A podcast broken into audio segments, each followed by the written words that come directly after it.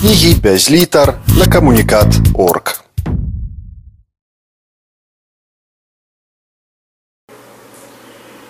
Сегодня э, я хочу распавесці пра э, каштоўныя слонімскія скарбы.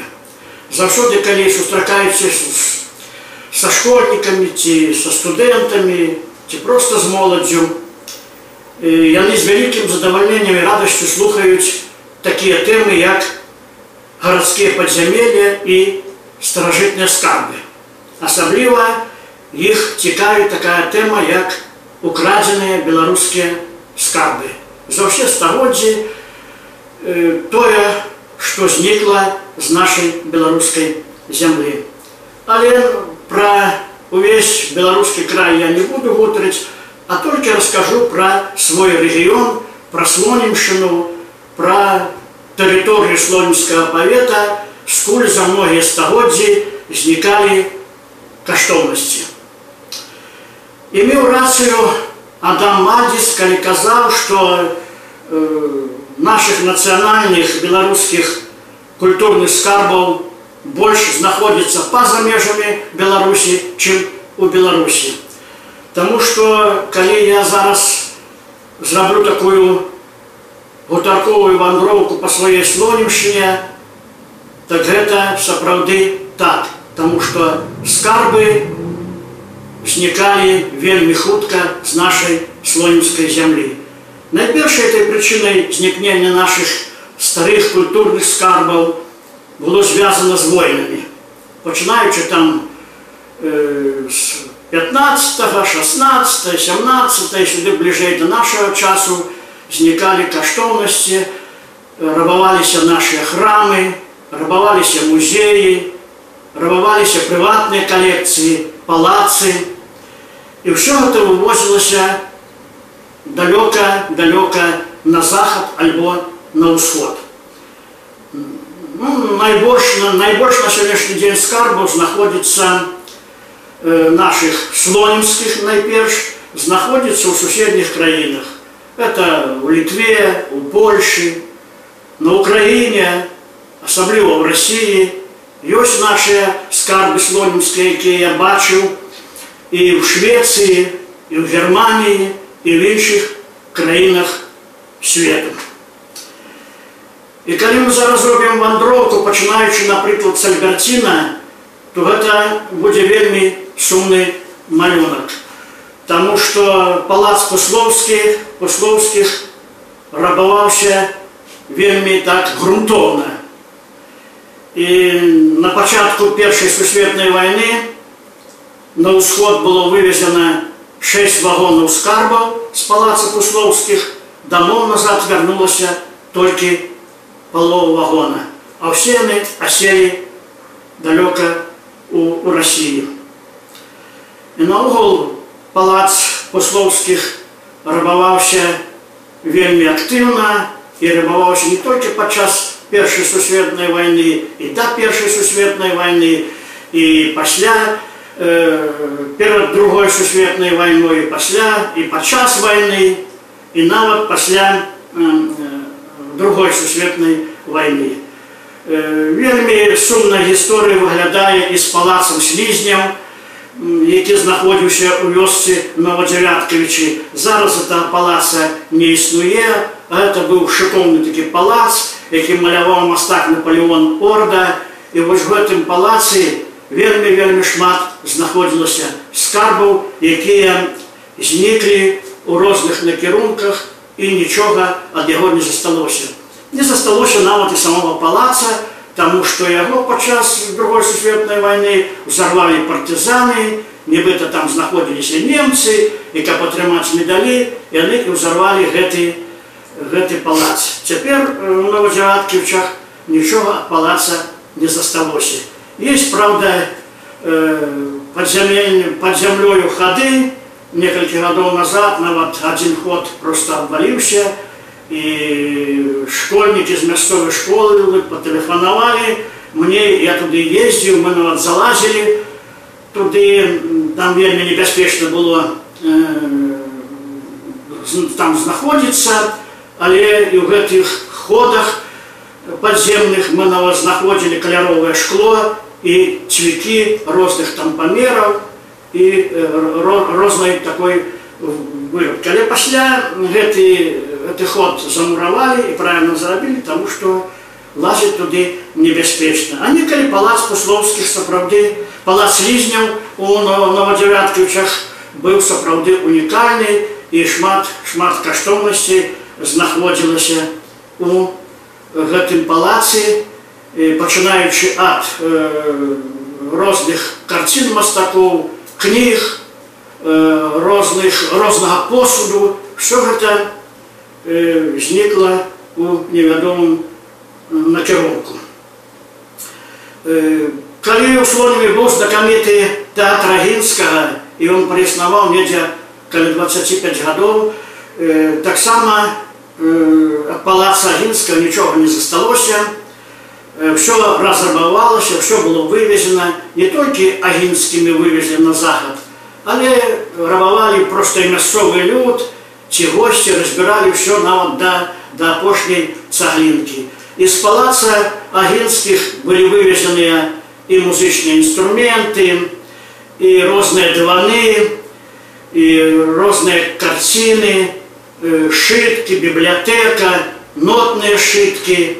Все это так само зникло и пропало. Мы зараз нават не можем выставить, показать условиями нашим музее, ці, ці наших э, культурных установах показать хотя б что-нибудь, что засталося от Агінскага, ад того славутага тэатра Агінскага, які некалі існаваў. Напрыклад, во Львове, у львовскіх архівах вельмі шмат знаходзіцца журовіцкіх журовіцкага манастыра, розных кніг, розных дакументаў, малюнкаў, гэта уніяцкія ўсе дакументы, якія таксама патрабуюць даследчыкаў, каб хаця б зрабілі тыя ксеракопіі, все, што там знаходзіцца і вярнулі у Беларусь, вярнулі на слонімшчыну, да і даследчыкаў у апошні час вельмі мала, каб яны даследавалі э, тыя архівы, э, жыровіцкія архівы найперш, які знаходзяцца у, у Львове. У бібліятэцы акадэміі навук ёсць э, таксама вельмі шмат слонімскіх скарбаў, асабліва рукапісаў літаратараў слонімскія, якія пісалі і дасылалі свае творы у вільню у 20-30-х годах. Я нават э, там знайшоў аповесць слонімскага паэта Анатолія Іверса, нават ніколі не ведаў, не думаў, што Анатолій Іверс піша прозу, заўсёды пісаў вершы, друкаваў і друкаваў іх. Оказывается, некалі напісаў аповесць і даслаў рукапісе находіцца у бібліятэцы Акадэміі навук э, Літвы.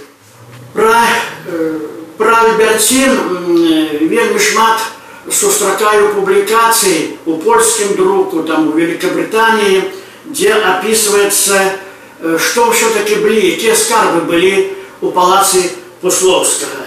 Оказывается, скарбов там было довольно шмат и вельмі каштоўных. Напрыклад, газета «Тыдзень польскі», якая выдавалася, ці нават выдаецца у Лондоне в 2004 годзе апублікавала один артыкул про Альберцін, автор нехта Міровскі.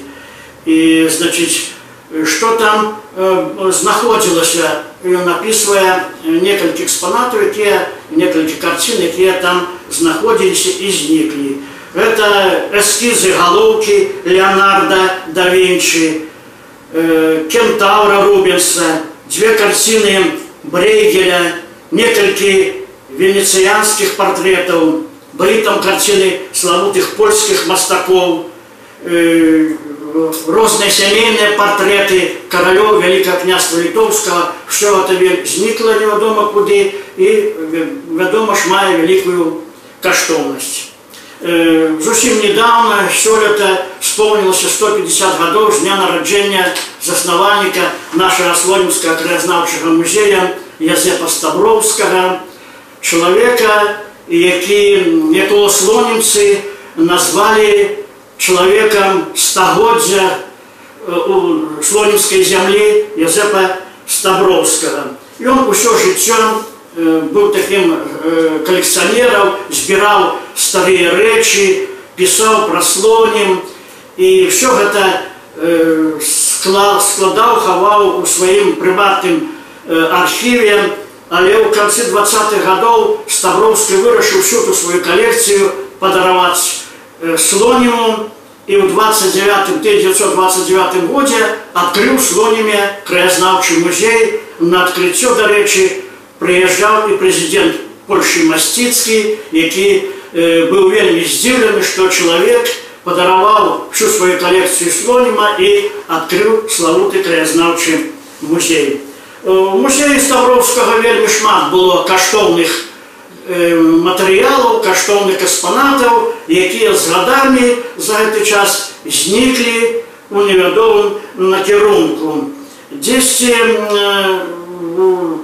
верасні 1944 года быў складзены спіс таго што знікла са слонімскага краязнаўчага на музея гэта даволі вялікі спіс што меў ставроўскі ў сваім музеі напрыклад да пачатку войны да і пасля войны і, і, і тады калі прыйшлі бальшавікі ў 39 годзе шмат чаго знікла і першым пунктам гэтага спіса стаіць шахматная дошка з дзвюх палавінак чорнага дрэва і слановай косці гетмана льва сапегі это 16 стагоддзя выяўляеце зараз як это прысягвала турыстаў калі паглядзець На шахматную дошку льва сапегі які на гэтай дошцы і гуляў шахматы і але гэтага каштоўнага вельмі дарагого экспаната няма. Акрамя шахматнай дошки з музея знікла вельмі вельмі шмат каштоўнасці.